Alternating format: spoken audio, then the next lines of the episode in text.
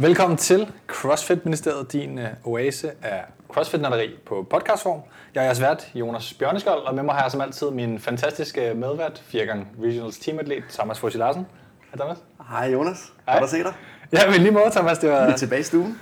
Det er simpelthen øh, fantastisk, øh, og vi er vi er måske lidt trætte. Lidt en tidlig podcast i forhold til, forhold til sidst, men uh, der er en masse af kaffe, så vi håber, at det, det kører. Ja, vi er på tredje kaffe nu. Så det, det er faktisk tredje kaffe. Det er dejligt. Vores uh, gæst i dag, det er... Uh, uh, jeg kan godt lide uh, i vores uh, titel her, der hedder, der hedder det Den ukendte uh, danske uh, regionsatlet i anførselstegn, uh, Stine Pernille. Pernilla, er det sådan, man udtaler? Penia. Penia, okay. Ja. Det er spansk. Ja, spansk, okay. Men, øh, men du er vores, øh, vores gæst i dag som øh, en, øh, en, hvad skal man sige, øh, i anledning af, at du er i Danmark. Ja. Det er jo heldigt, for du er den atlet, som man måske, lytter måske kan huske, at vi har dækket fra, var det, øh, nu bliver jeg faktisk lidt tvivl, var det South Region? Ja. ja. Super. Øh, i, i USA. Mm-hmm. Og hvem er du? Jamen, øh, jeg hedder Stine, og øh, jeg bor til hverdag i Colorado, Øhm, men lige nu er jeg på ferie her i Danmark og besøger lidt familie. Øhm, til hverdag underviser jeg i CrossFit og træner en del også. Hvad hedder den boks, du er fra? CrossFit Evolve. Evolve? Ja. Den ligger i Fort Collins i Colorado. Colorado. Yes. Er det, den er guldstat fra gamle dage, er det ikke det? Var det ikke jo, det, det tror jeg nok. Ja, ja, ja. hvor de gravede efter guld og sådan Nej, Eldorado. Det Eldorado nej, nej, Eldorado er det der, den der by der. Ja. Men Colorado er det ikke sådan en mining state, hvor dengang Gold Rush og indianer og venstre? Jo, det er det. Det er jo det vilde vest. Ja, er det ikke det? Jo. Ja. Er det, er det det vilde vest? Det er, er det faktisk Er der sådan sheriffer og sådan Vores downtown i Fort Collins, det er sådan rigtig uh, old school. Det ligner sådan en gammel fra en westernfilm. Med sådan et fængsel, hvor man kan øh, file sig ud af, eller få hesten til at trække øh, døren Ikke mere. okay. og, og jeg sidder herovre og, og lytter øh, intenst med, fordi jeg tænker sådan, op i mit hoved kommer der sådan et spørgsmål, hvordan er du endt der? Ja. Det er ja. sådan lidt det, der, jeg tænker ja. sådan, hvorfor? Det hele startede... øhm, øhm, jeg læste idræt på Københavns Universitet, og så øh, ville jeg gerne på udveksling. Og fordi jeg førhen har lavet noget frivilligt arbejde i Mexico, så tænkte jeg, at det kunne være sjovt at komme tilbage. Så øhm, på tredje år tog jeg et semester i Mexico, øhm, og så blev jeg faktisk et semester mere øh, for at lave min, øh, min bachelor derovre. Og der mødte jeg så min nuværende mand. Han boede på det tidspunkt i North Carolina i USA og var på udveksling derfra. Øhm, ja, så der mødte jeg ham, og han havde kun et semester der, så tog han til USA. Øh, så var vi sådan lidt frem og tilbage mellem Mexico og USA. Så var han færdig med hans kandidat. Så boede vi et par måneder i Danmark, da okay. jeg var færdig i Mexico. øhm, og så gjorde jeg mit idræt øh, færdig, og så til jeg til USA. Og så har vi været vi var et halvt års tid i North Carolina, og så fik han øh, et job i Fort Collins i Colorado, og så lavede vi et lille roadtrip. Har I mødt øh, hinanden i, igennem CrossFit? Det var faktisk, ja. Vi var på sådan en øh, rundtur på universitetet derovre, og så, så snakkede vi om forskellige sportsgrene. Og han troede faktisk, at jeg dyrkede volleyball først, fordi jeg havde så store lår. men, det har man bare, når man laver volleyball, det er stort lår. det, det har du da. Ja. Øhm, nej, men så, ja, så gik det ligesom op for os, at vi begge to dyrkede CrossFit, og så begyndte vi at gå sammen i en lokal boks. Og hvad årstal er det her, bare lige for 2012. Okay, så det var også, CrossFit var en del nyere dengang, også ja. stadigvæk i USA. Ja, jeg var sådan, jeg var lige begyndt i Danmark. Jeg, jeg tror, eller jeg havde mit første hold øh, i Butchers i 2010. Og jeg var helt vild med det fra starten, men jeg kom måske to-tre gange om ugen. Det var ikke så mm. seriøs, og jeg ville, jeg ville ikke konkurrere, for det har jeg gjort hele mit liv i øh, gymnastik. Så jeg ville bare finde et eller andet, der bare ligesom kunne holde mig i form, og som jeg synes var sjovt. Øhm, så det var ligesom på det niveau. Og så var det ikke før, vi så var i Mexico, og altså, når man lige pludselig er der helt alene, og ikke kender så mange, så er det et rigtig fedt sted at komme i sådan en boks, hvor det altid er de samme. Så der begyndte jeg at komme hver dag, for det var ligesom de folk, jeg kendte, og så kom jeg mere og mere ind i det på den mm. måde. Og det, det skal siges, at, øh, at Stine hun også øh, har læst idræt det samme sted, som øh, jeg har gjort, mm-hmm. som er lidt sjovt, øh, hvordan en sådan veje krydses, fordi vi har faktisk for samme årgang på bacheloren. Ja. Men dengang, der, øh, der snakkede vi så ikke sammen, fordi at, øh, ja, vi, jeg lavede ikke CrossFit, og, og du var så måske kun lige begyndt Ja. til det, og ja, der, var- der var alligevel, jeg ved ikke, 120 på årgangen. Ja. Så, men, men det er lidt sjovt, hvordan ja, man kan ende med at sidde i samme lokale lige pludselig, og Ja. begge to har været til regionals. Øhm, selvfølgelig har du været individuelt, men, men stadigvæk har siddet med den samme passion her, og så sidde Ja. og snakke om det i dag. Øhm, så, så det synes jeg er lidt skægt. Jeg tænker, du, du kommer af gymnastik? Ja, Ja, eller kommer af gymnastik, altså som din sport. Det er jo tit, at CrossFit-atleter, som bliver gode, har en sportsbaggrund af en eller anden slags, ser man øh, også nogle gange folk, der bliver rigtig hurtigt gode til games. Ja. Men gymnastik, hvilken type gymnastik, det ved jeg, Thomas han også skal snakke lidt mere om med, med gymnastikken. ja men jeg er vokset op i sådan en rigtig gymnastikfamilie. Mine forældre lavede også gymnastik, da de øh, var børn. Øhm, men jeg springer rytmegymnastik. Jeg tror, det hedder Team Gym Now. Nu. Sorry. Ja, og, og, det, det bare lige, ja, sorry, jeg lige afbryder, men det er også det, vi har snakket om, at det er sådan noget som Bjørkvind og, ja. Ja. og nogle af de her islandske atleter øh, typisk øh, kommer fra. Også, øh, jeg tror faktisk også, det er det, som øh, Bjørk Odensdottir har lavet, forestiller mig. Ja, vi har faktisk konkurreret en gang til nordisk mesterskab. Ja. Jeg tror faktisk også, og det må lige stå for egen regning, men at øh, vores øh, lille, øh, nej, lille, vores øh, hvad hedder det, pigeatlet, øh, Fridrik står til, Ja, faktisk også kommer Maria, af, af ja. det. Ja, præcis Maria. Det mener jeg også, at det var det, hun sagde, at hun, øh, hun lavede. Ja. Så det virker som om, at der er øh, åbenbart noget med at producere CrossFit-talenter fra den sport. Ja, for du kan måske prøve at beskrive, øh, hvad, hvad, går, hvad går den ud på, øh, den her sådan, team gym øh, sportsgren? Jamen, til, kon- altså man, øh, til konkurrencer, så stiller man op som et hold af maks 12 og minimum 6 gymnaster, så man bliver, der kan sagtens være flere på dit hold, når I træner, men så man ligesom bliver udtaget til konkurrenceholdet, og så stiller man op, øh, laver en rytmeserie på øh, to og et halvt, tre minutter, og så er der måttespring, og så mini-trampet med noget plint også. Der tror jeg ikke lige, jeg var med hele vejen der. Jamen, øh, man vi kan lige sige, få- at min mini-trampolin, det er jo sådan en, en lille, øh, det er jo ikke den normale sådan havetrampolin lignende Nej. noget, som, som ligger ned på jorden, kan man sige. Det er sådan en, en lille trampolin, man, man laver tilløb til, som er lidt skråt. Ja. Ja. Øh, sådan, Som hvad er det, den hælder i øh, fem- 45 grader, vil Ja, man noget kalde det cirka. Ikke? Øhm, så man hopper ind med sådan, ja, to fødder, og så øh, ja, gør vinklen, at man kommer meget højt lige op i luften, og så laver man gerne et par saltoer for at lande på, på begge ben igen. Det var Ja. meget forsimplet, for der Ja. ske rigtig Ja. meget i luften. Ja. Man kan se, at Alex Smith øh, poster en del videoer, hvor han laver øh, sådan nogle gymnastikting. Men han er Øh, idrætsgymnast. Ja. Jo, men han bruger vel den samme trampolin til at hoppe. Nej, de- det gør han nemlig ikke. Nej, De bruger ikke trampolin. Men man kan sammenligne måttespringet en lille smule med, når de har det store firkantede gulv. Så i springrytme har vi bare i stedet en lang springbane. Ja, okay. Jamen, jeg tænker også, jeg har også selv gået til springgymnastik som lille. Der havde vi også en, en, en, øh, en trampolin der, som vi hoppede ind på, og så hoppede hen over noget, eller hoppede op, eller eller andet. Oh, Men-. Det var måske bare for... Jamen, de normale gulvtrampoliner, Ja. hvis man kan Ja. kalde det det, Ja. det er øh, idrætsgymnastik, og det er Ja, okay. underligt Det er nok, i andet. Danmark er det bare sådan, og typisk også de nordiske lande, Ja.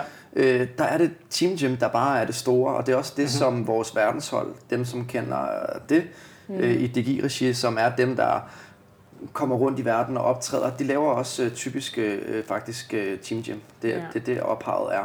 Ja. Og, og det du så sagde med en plint og så videre til sidst, hvad, kan I lige forklare, hvad det er også? Jamen i hvert fald, nu er det jo en del år siden, jeg har konkurreret, så laver man sin rytmeserie, så har man tre omgange på modden, hvor at man vælger de seks bedste gymnaster. Øhm, så skal der være en forlæns, en baglæns og så en fri. Øhm, Altså som at spring, eller? Ja. ja. Og Altså så på minimum form, man bliver bedømt, eller er det Ja. på... Ja, okay. for sværhedsgrad og så form. Ja, og så som uh, Greg Glassman skriver omkring gymnastik, er det her virtuosity, er det sådan ideen om at gøre det simple let, eller er det i... Nej, fordi hvis du gør det for simpelt, Ja. øh, så øh, får du ikke en særlig høj sværhedsgrad. Så, Nej, men, men idé, Altså- det handler om, det handler om øh, øh, Greg Glassman har beskrevet den her ting i CrossFit, som handler om at gøre, ligesom at blive virkelig god til burpees. Mm. I, øh, jeg ved så ikke, hvad det hedder, redskabsgymnastik, det som er til de olympiske lege. Ja, Hvad, er det, du ja hedder? det er Idrætsgymnastik. idrætsgymnastik. Ja. Der kan man, der kan man få en, en, øh, en score for, hvis man gør noget af det simple på en Nå. ekstremt perfekt måde, at man så får en sådan en ekstra score i de her, der får man de her 0-10 point. Altså, Men det er ikke på samme måde bedømmelsessystemer. Sådan. da jeg konkurrerede, så var det sådan, at et vis spring har en udgangskarakter. Ja, ja, Og så ja. er alt afhængig af, om du lander på bagenden, eller om du stiller den, så, så får du point efter det, eller om du har båret fødder eller ben. Eller Ja, ja, ja. så på den, men jeg ved ikke, om, om du kan lave en værmøl, men du gør det helt vildt flot, og du så får flere men- point. Det men- tror jeg ikke. Nej, det var bare lige for at få det over til, til CrossFit med den her virtu- virtu- virtuosity-tankegang, som for eksempel sådan som Ben Bergeron også i høj grad er, er fortæller for, at, at bevægelseseffektivitet i at gøre en burpee, ikke bare hurtigt, og ikke bare, øh, hvad skal man sige, mange af dem, og kunne holde til det, men også at gøre dem så godt, at man så bagefter kan lave en masse andet. Kan man sige. Det er lidt det der er ideen i det der med at gøre det Ja. simple perfekt. Men, men den, det er i hvert fald den sportsgren, du, øh, du har ophøjet. Har det Det hjulpet dig meget? Som, Jeg tror, øhm, jeg tænkte lidt over det, fordi I skrev det som et spørgsmål, og jeg tror, fordi ironisk nok, så de gymnastiske øvelser i CrossFit er virkelig min svaghed. Så Men vi det, har det, det, det, ja, det er lidt sjovt, for jeg har også lagt, lagt mærke til, at du er virkelig en styrkeatlet, ikke? Altså, du Ja. er virkelig stærk øh, og har nogle forcer der. Ja. Øhm, men altså, man kan sige, vi er jo heller ikke...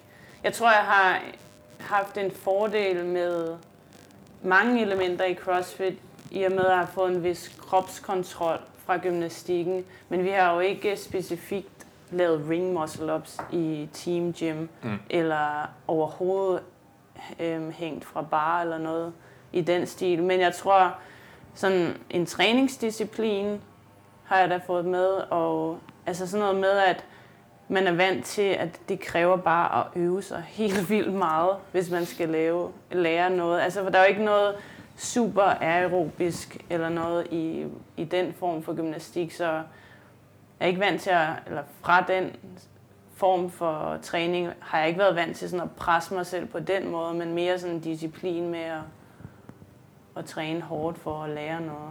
Man jeg kan også sige, at det, det der er ved sådan, den form for gymnastik og crossfit, det er jo øh, for det meste lukkede bevægelser, du laver. Faktisk nærmest øh, 98% af alle bevægelser er jo færdige øh, programmerede bevægelser, du skal kunne. Mm. Så når du har været vant til for gymnastik at træne en bevægelse og træne den samme, lad os sige øh, double out, som er en, to- en, en forlænder for eksempel med, med to salto og en halv skrue i den sidste, hvis øh, man skal kunne forstå det, så, øh, så for at mestre det, den her double out her, der skal du bare lave det 10.000 gange, Ja. før at du bare bliver nogenlunde god til det. Og det skal du også, når du laver snatch. Det skal du også, når du laver clean and jerk. Ja. Du skal lave det samme og det samme. Også når du laver faktisk sådan nogle gymnastiske bevægelser, som at lave keeping øh, Mhm. mm-hmm. butterfly pull-ups. Det kræver altså også bare gentagelse og gentagelse. Så det er jo klart noget, man kan tage med videre. Det her med at lære de her lukkede bevægelser, så disciplinen til at blive god nok til at blive ved med at gøre det, indtil man mestrer det. Ikke? Ja. ja, det tror jeg helt klart. Men hvor god var du så, da du, du sagde, du har været til nordiske mesterskaber og, og faktisk konkurreret mod Bjørk. Øh, Hvad, Ja. Har du også været til EM, eller hvor, hvor dygtig har du været? Der var, hmm, var der EM på det tidspunkt? Øhm, nej, jeg har ikke været til EM. Det største, jeg har været til, det var nordisk. Og så øh, gik jeg lidt på USG, da vi læste idræt. Men det var bare som om, jeg ikke, øh, jeg kunne ikke finde træningsgejsten mere. Så jeg, indtil jeg var 20-21 år, der var det på konkurrenceplan. Øhm, men jeg er nordisk er det okay. højeste, jeg har været Så da du mistede gnisten, så startede du så i Butchers og hyggede ja, lidt på hold. altså det tog... Det var ikke bare sådan fra den ene dag til den anden. Det var også en hård beslutning at stoppe med gymnastik, for det havde jeg dyrket hele mit liv. Det var mere sådan et...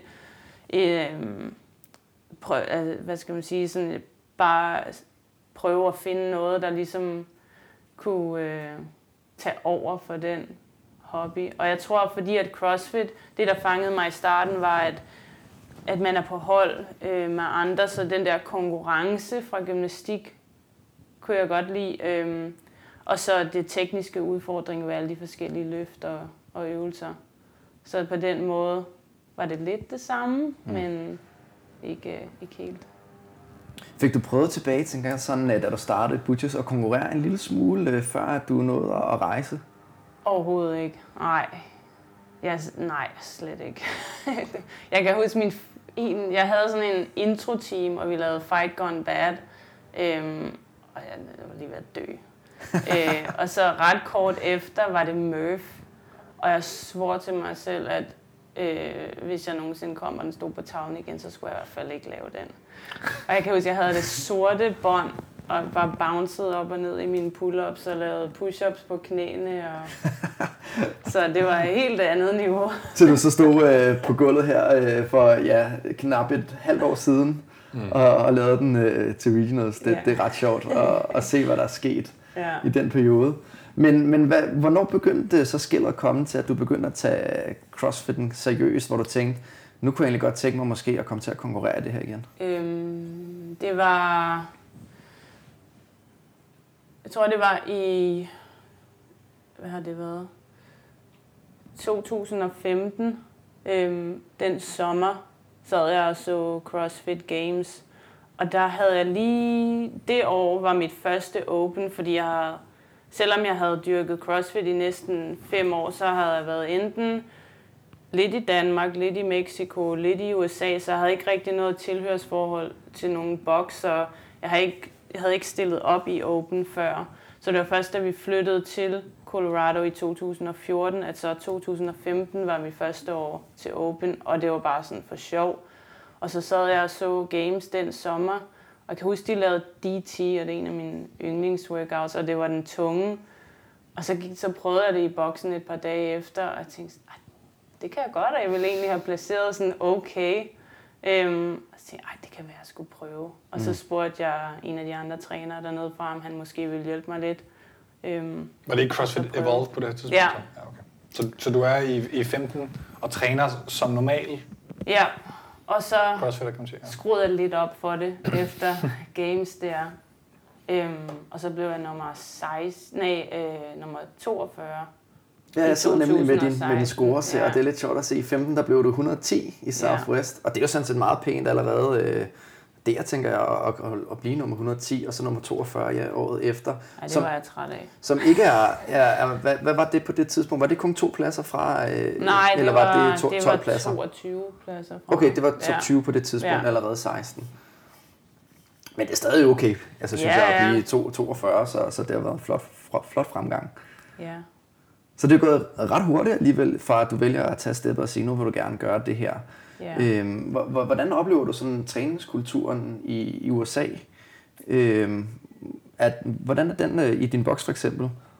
Er I flere, der kæmper efter at komme til, til regionals? Øhm, der er mig og en af de andre kvindelige øh, coaches, som går efter det.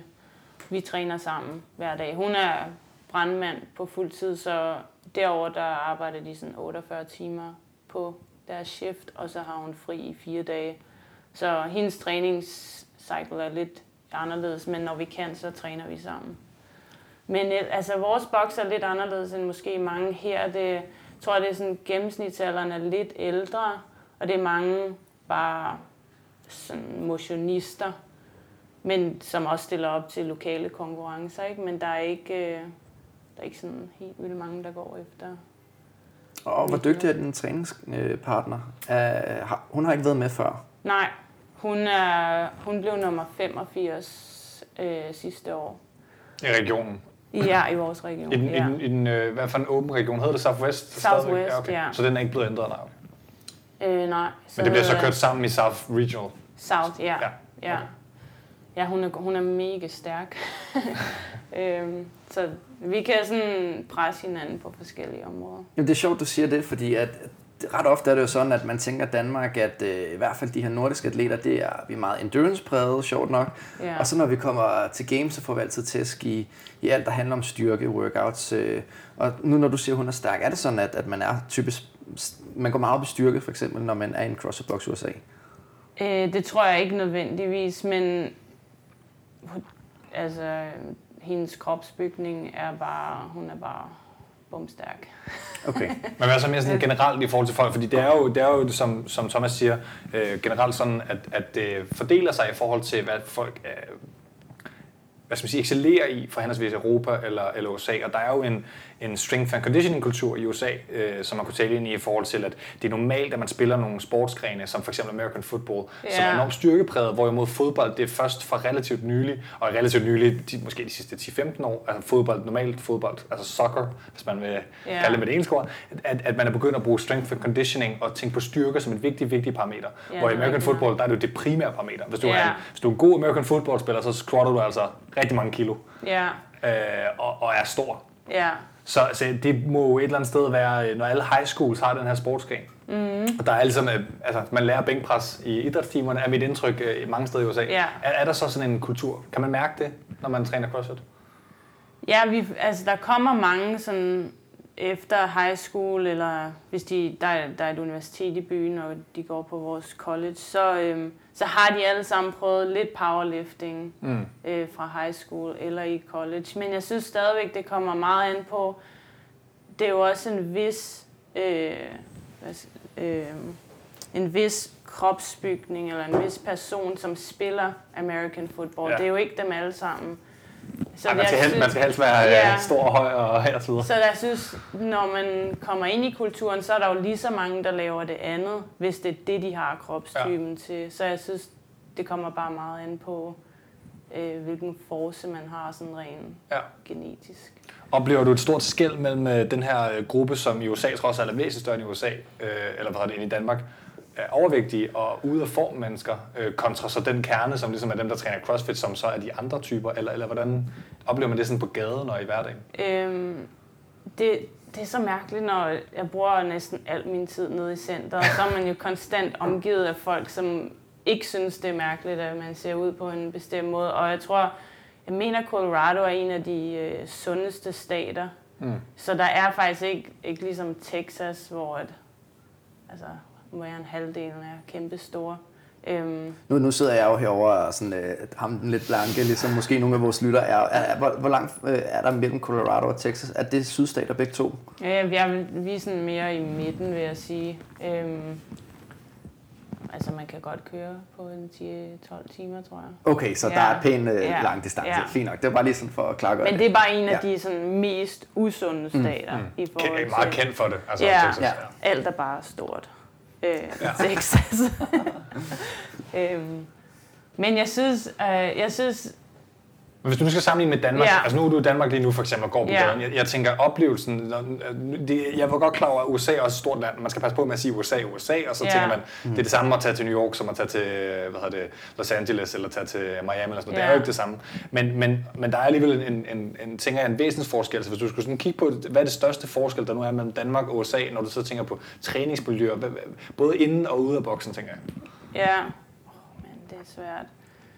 Jeg synes, jeg har oplevet både i USA, altså det er bare, det er ligesom om, hvilket miljø du er i, fordi så snart jeg træder ud af det miljø, der er i boksen, så får jeg også mange kommentarer med, oh, hvad, hvad træner du, og hold dig op, og mm jeg er jo nede for at lave negle, og de skal sådan mærke på mine muskler og sådan noget, helt vildt irriterende. Men det er måske også at være en kvindelig regionals level atlet, for jeg tænker, det er måske også sådan, det er i Danmark som, som kvindelig regionals Fordi level så har jeg da også, når Altså, jeg... det kommer jo selvfølgelig an på, hvem man er, fordi jeg er Ja. sikker på, at Frederikke Fransen får det ikke kontra, hvad Julie Appelgaard gjorde øh, i sin tid. Ikke? Så jeg tror jeg også igen, det er meget individuelt i forhold til. Ja. hvor ekstrem man ser ud, for egentlig at Ja. være helt reelt omkring det. Ikke? Ja, ja, ja. Altså om hvor styrkepræget man for eksempel er som atlet, eller, eller lignende. Ja, ja, lige præcis. Ja. Hvor voluminøs man er. Ja, okay. For jeg har da også oplevet det her i Danmark, og da vi var på ferie i Italien sidste år, altså sådan daglige kommentarer Mm. Wow, okay. omkring. De er bare ikke vant til det. Men det er jo bare fordi, så er man lige i et andet miljø.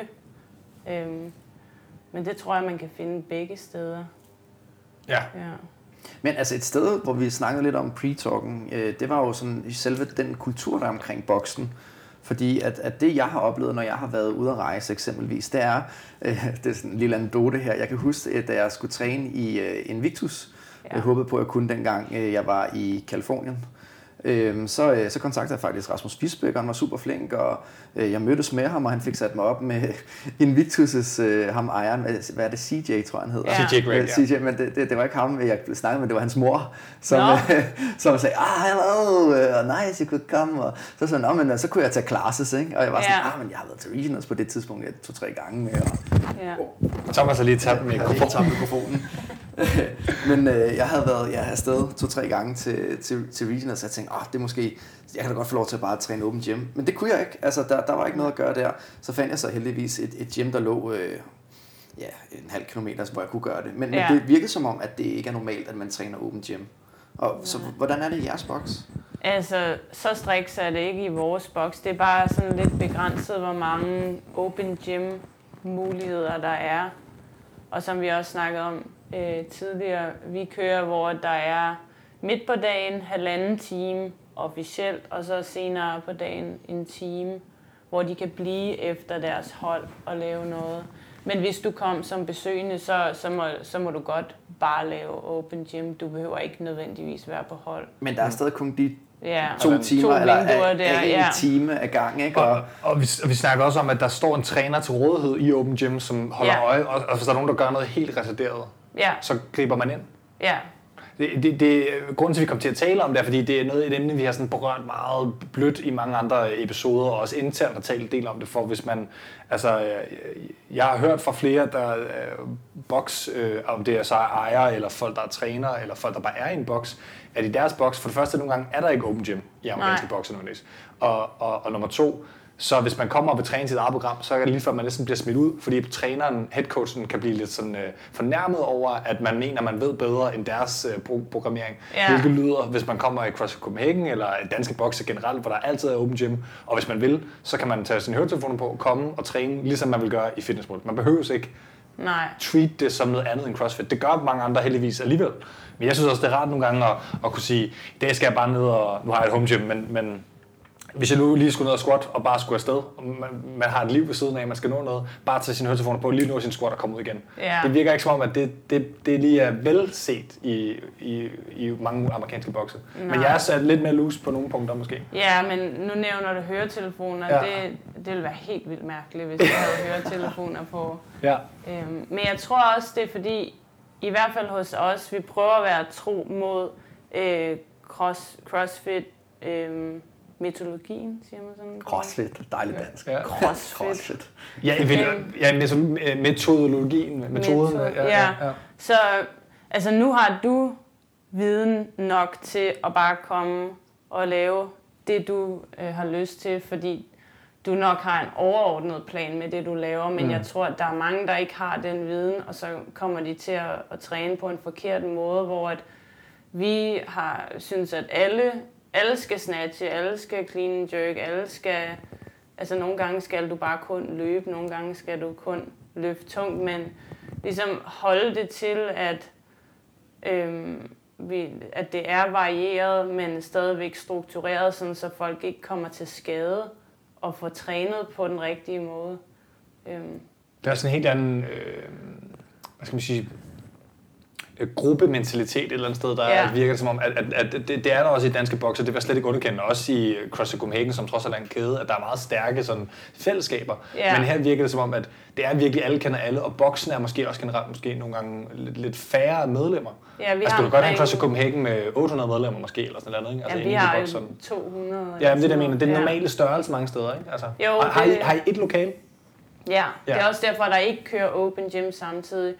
Øhm, vi arbejder lidt på, at der er sådan et tilstødende lokale, som vi arbejder på at få øh, ind i vores lejekontrakt. Også sådan, så vi kan enten køre, øh, vi kører noget børnecrossfit, eller open gym med olympisk løftende, eller hvad Ja. det nu skulle være. Men lige pt. er det ikke, for der er meget fokus på, at når der er hold, så er der maks 15, så alle får nok opmærksomhed, og der er godt udstyr til alle, øhm, og så foregår der ikke andet. Så har vi fået sådan en lille setup udenfor. Jeg skulle så sige, jeg har set en del billeder øh, fra masser Ja. af dejlig sol og sådan noget. tænker Ja, så kan man godt, hvis du spørger coachen her, er det okay, jeg lige trækker en roer ud for, eller Ja. tager en barbell med ud, eller... Og så kigger, så kigger du som coach på vedkommende og tænker, kan vedkommende finde ud af ro? Eller hvad? Ja, ja, og skal jeg bruge roeren til mit hold, eller... ja, ja, ja, okay. Altså sådan nogle ting, ja. Det lyder mere som en CrossFit-familie i højere Ja, men det er grad, også end det, sådan- at øh, når, når, når jeg sidder og hører det her, altså jeg har været ude og snakke øh, igen, øh, nu nævner jeg specielt igen, men, men Ja. med dem, der dyrker CrossFit i en helt normal boks i Danmark. Ja. Og der var sådan, jeg stillede et spørgsmål, der hed, øh, anser du dig selv som crossfitter? Og der var meget få, der var måske en ud af de øh, otte interviewede, der svarede, øh, ja, at det gør jeg. Og, og, og det virker lidt som om, at i Danmark, der dyrker du CrossFit for motionens skyld, mens at øh, i, i måske mere USA og de her bokse, der er rigtig crossbox, der dyrker du altså CrossFit for CrossFitens skyld. Mm. For måske at være en del af det her community ikke? Mm. på 200 mennesker i jeres boks. Ja. Og du betaler jo også, øh, forestiller jeg mig, væsentligt flere penge. Ja. Hvor, hvor meget betaler man for et medlemskab hos jer? Øh, 125 dollars om måneden. Ja. Det er omkring 1000 kroner. Ja, og, og det er jo virkelig noget, der vil skræmme øh, det ved jeg ikke, 95 procent af, af dem, der dyrker motionist CrossFit væk, fordi så havde de helt sikkert ikke lavet CrossFit, så er de gået over Fitness World. Ikke? Og vores, vil jeg sige, er endda ikke det dyreste. Ej, Selv bare i Denver, en time væk, ja Øhm, der betaler man, der er ikke mange bokse, hvor det er under 200 dollars om måneden. Jeg, jeg så en, øh, jeg så en hvad hedder det, tråd på Reddit, hvor de simpelthen bad alle, altså CrossFit Reddit, hvor de bad alle de brugere, de kunne finde, om at skrive, hvor meget koster jeres boks ja. i forskellige lande og sådan ting. Og der kunne jeg se, at altså, Danmark er også billigere end mange andre europæiske lande faktisk. Vi, okay. vi er specielt billige. Men, men gennemsnitsprisen i USA var 200 dollars. Og så var der det her med, at man skulle næsten altid have en, et begynder, begynder øh, classes, som ja. 6-7 stykker eller 8, eller hvor mange det nu er. Og de koster så også penge. ja, de okay. koster også penge. Og, og de kostede, nogle af dem kostede sådan 25 dollars per class og sådan ting nogle steder. Ja. Og hvis du skulle have olympiske hold, det kostede ekstra. Hvis du skulle have ja. et eller andet, det kostede ekstra. Yep. Og du havde ikke open gym til rådighed. Så det er ligesom en pricing-model, hvor hvis du dykker CrossFit, så mener du skulle det. Ja. Men, men træning og træne i, i, i, hvad der vil svare til Fitness World i USA, er også dyrere, end det er i Danmark. Det skal man lige huske med i sin pricing Ja, nogle af dem. Der er også nogle, sådan, vi har sådan noget 24-hour fitness, og ja. det tror jeg er sådan noget 20 dollars om måneden. Det okay, det er til gengæld det er meget billigt. Ja. Altså, det er sådan det billigste fitnessmål med rabat eller sådan noget. Ikke? Man Men kan... der er heller ikke noget, altså der kan du ikke dyrke crossfit. Der er ikke... Nej, der er kun maskiner. Ja, der er maskiner og dumbbells og sådan noget squatting. Rack, Smith, altså, stativ. Ja, ja, ja. ja, men, ja. Jamen, det, det er interessant at høre den her... Der, der er trods alt en lille forskel, ikke? eller mm. en ganske stor forskel på træningskulturen. Men det handler jo også om, i Danmark, der kan det ikke lade sig gøre, at at have et, et gym øh, og, og konkurrere mod andre, hvis du skal have altså, 1000 kroner for et medlemskab. Der, der, det, det er man bare ikke villig til at betale. Vi er vant til nu så meget i Danmark, at, at det koster mellem 200 kroner og 400 kroner at kunne have et fast medlemskab, så der, ja, det, det er umuligt at, at tage flere penge for det nærmest. Ja, ja. du kan se på, på tværs af alle sportsgrene, om det er øh, klatring, hvis du laver bouldering, øh, hvis du øh, har svømmemedlemskab til et svømmehal i forhold til at kunne komme der fast og sådan ting. Altså det er omkring de der 2-400 kroner næsten alle steder. Ja. Og fordi det er bare det, det koster. Og det er, som det, det, kan man ikke øh, gå ind og udfordre og sige, vi laver luksus crossfitten. Eller måske kan man. Det kan være, der er nogen, der gør det. Og jeg synes faktisk, det er lidt sjovt, fordi jeg har prøvet at lave sådan en udregning, hvis man skulle ja. starte en boks hjemme ja. i Danmark. Ikke? Det var jo, at lad os sige, at man har et, et lokale øh, på, jeg ved ikke, hvor stort det skal være, men mm. det koster 20.000 om måneden. Det tænker jeg er meget normalt et, et leje til et lokale. Og så har du nogle øh, undervisere, der skal være der, der får 150 kroner i timen. Øh, det er lidt mere, end hvad de, de fleste betaler, men lad os sige, at så er man da godt betalt. Mm-hmm. Og, og der er fire timer hver dag, undervisningstimer. Mm-hmm. Øhm, så er vi altså næsten op på 20.000 kroner i løn, også bare til de her, hvad hedder det, øh, mennesker, som skal undervise. Ikke? Så det er jo 40.000 kroner, du skal tjene ind bare på det der medlemskab. Og så kan vi jo godt regne ud, at Så vi ikke snakket affiliate-omkostninger Lige præcis. og grej. Og, så hvis du har 100 medlemmer bare, ja. øh, der betaler 400 kroner om måneden, så er vi oppe på de 40.000 allerede. Mm. Så du skal altså næsten have, det er ikke, minimum 300 medlemmer hvis ja. det her bare nogenlunde skal løbe rundt. Ikke? Ja. Øhm, så, så for 400 kroners medlemskab. Ikke? Altså, så det er ikke bare lige at åbne en boks, mm. og så, øh, så løber det rundt. vel. Altså, mm. man, skal, man skal kunne noget ekstra, fordi der er så stor konkurrence. Ja. Ja, men det, jeg snakkede også lidt med mine forældre om sådan forskellen på, hvordan vi gør det, og hvordan nu det Lifters Gym, jeg mest kommer i. Kommer, kommer de til at træne dine forældre CrossFit? Eller? Nej, nej. Jeg, har du prøvet, jeg har prøvet. Ja, okay. det er ikke lykkedes. øhm, men måske er det også bare, fordi i Danmark er man vant til, at fordi jeg ved i hvert fald, at i Lifters kører de meget efter, at hver træner ligesom laver deres eget program, så man kommer måske også lidt, fordi man kan godt lide den måde, den træner programmerer på. Og det er måske bare den træningskultur, der er i Danmark. Sådan, nu sagde de fra gymnastik, er det jo også det, man plejer. Altså, jeg kunne godt lide hendes hold eller hans hold. Altså, det er bare, at det er træningskulturen. Det er sådan... Mm sådan det virker i Danmark. Og så det er sjovt nok. Det, det, den diskussion havde jeg faktisk i går med sendejeren i Puls 180, ja. Pierre. Og, og, og jeg er rigtig glad for, at jeg også selv programmerer, øh, mm. og jeg har flere øh, kunder af det i bund og grund, øh, men der kommer på mig hold, der siger, at vi kommer, fordi det er dig, ikke? og ja. det er mega rørende. Ja. Øh, men, men det handler helt sikkert også noget om programmering. Ja. På den anden side, så snakker jeg også om, at hvis man bliver så stor som CrossFit Copenhagen, så er det sgu også svært at, at sige, at hver træner programmerer, for det kan godt nok gå hen og blive et cirkus. Ikke? Der, der findes ikke øh, så mange gode trænere i CrossFit. Lige præcis. Det, det, det, betyder, til, til, undskyld, CrossFit Copenhagen, men det skal være mit, uh, mit, uh, hvad skal sige, min påstand i hvert fald. Så, det vil så, man ikke kunne. Så, så, så, jeg tror, hvis vi skal tage den her op øh, mm. og, og, og gøre analysen færdig, så er det jo sådan, at i de små bokse, som Lifters Gym, Puls 180 mm. stadigvæk, der ikke er så store, også i Butchers til dels, der er det jo Miguel, der programmerer det hele, ikke? hvor de mm. har en fast programmør, men det er i, stadigvæk sådan en, en træner, der har øh, sådan kontakt med ja. de andre trænere. Øh, der, der er det muligt at, at, at lave den her personlige programmering ja. På en eller anden måde. Men når vi kommer op på et niveau, der hedder øh, Fitness.dk, der har alle de her bokse her, eller øh, for den sags skyld CFC, så er det, tror jeg, at det, er svært. Ja, ja det Men hvordan gør I? Programmerer I? Forprogrammerer I? Øhm, vi plejede at køre det sådan i øh, cykluser, cycles. Mm. Så øh, jeg har lavet lidt programmering, øh, og to andre har, men så kørte det 8-12 uger med et specielt fokus, så der var en plan med det, vi lavede. Øhm, men min chef, som oftest gjorde det, han arbejder også som fuldtidsbrandmand. De er alle sammen brandmænd derovre. Øhm, og det er bare, det, altså, du har prøvet at programmere, det tager bare helt vildt lang tid. Øhm, så nu har vi øh, købt et program fra Matt Chan og Eric O'Connor, som hedder Train for the Win, og de har en til affiliater. affiliater. Ja, affiliates bokse. Ja. Jamen, det er jo faktisk, i øvrigt, øh, det har vi aldrig lidt talt om, men det er jo faktisk en ting, der begynder at blive større og større. Uh, Comtrain, uh, mm. det, med Ben Bergeron's uh, ting der, de er faktisk lige begyndt at tage penge for deres class programming. Ja. Og Mayhem Freedom er lige kommet ud, eller kommer snart ud med en klasseprogrammering. Så man kan sige, før var det individuel programmering, som the training plan, Ja. program osv. Nu er man gået over til at sige, vi laver programmering til bokse, så Ja. vi ikke selv skal lave deres programmering. Også fordi der er så mange bokse. Ja, Og der er rigtig mange af dem, der måske ikke har, igen, der er så mange, så mange ek, sådan expert head coaches, findes der heller ikke nødvendigvis. Mm-hmm. Så hvis du skal have nogen, der virkelig tænker det hele igennem og, og laver det, så kan man købe sig til det, kan man sige. ja, Så businessmodellen for CrossFit bliver jo mere og mere moden øh, med tiden. Så det, Ja. jeg tror, det er det der, der, der er fremtiden i et vist omfang. For, For dem, der ikke har en sådan en, altså, ja. ja, for os i hvert fald, der vil han hellere bruge tiden på sådan the business side, Ja, præcis, ja. i stedet for Jamen, altså, det, er jo, det er jo to jobs. Der er, man skal Ja. styre en boks, og man skal lægge alt programmering. Hvis Ja. man skal gøre begge dele, det har man ikke Og tid have til. et tænker jeg. fuldtidsarbejde. Ja, og to samtidig, børn ja, og en ja. kone. Og, ja, han, det har i hvert fald været helt vildt godt for os. Og jeg synes stadigvæk, man kan jo godt, selvom at vi kører jo det samme, alle os trænere, øhm, og det er det samme opvarmning og det hele, men man kan jo, der er jo forskel på, hvordan vi underviser hver især, så der er jo stadigvæk individuelt. Øhm, Mm. så folk kan jo stadig komme, fordi de kan lide en bedre end andre. Det kan være, der er nogen, der råber mere end de andre. Ja, Jeg tænker, for at runde den her sektion af med Ja. USA og Danmark og, og hvem du er. Altså, du er fuldtid, som jeg kan forstå det, øh, atlet, hvor du så også underviser. Øh, Det, det, det du laver. Ja, og så lidt kostvejledning hjemmefra Mm. mm. for at supplere.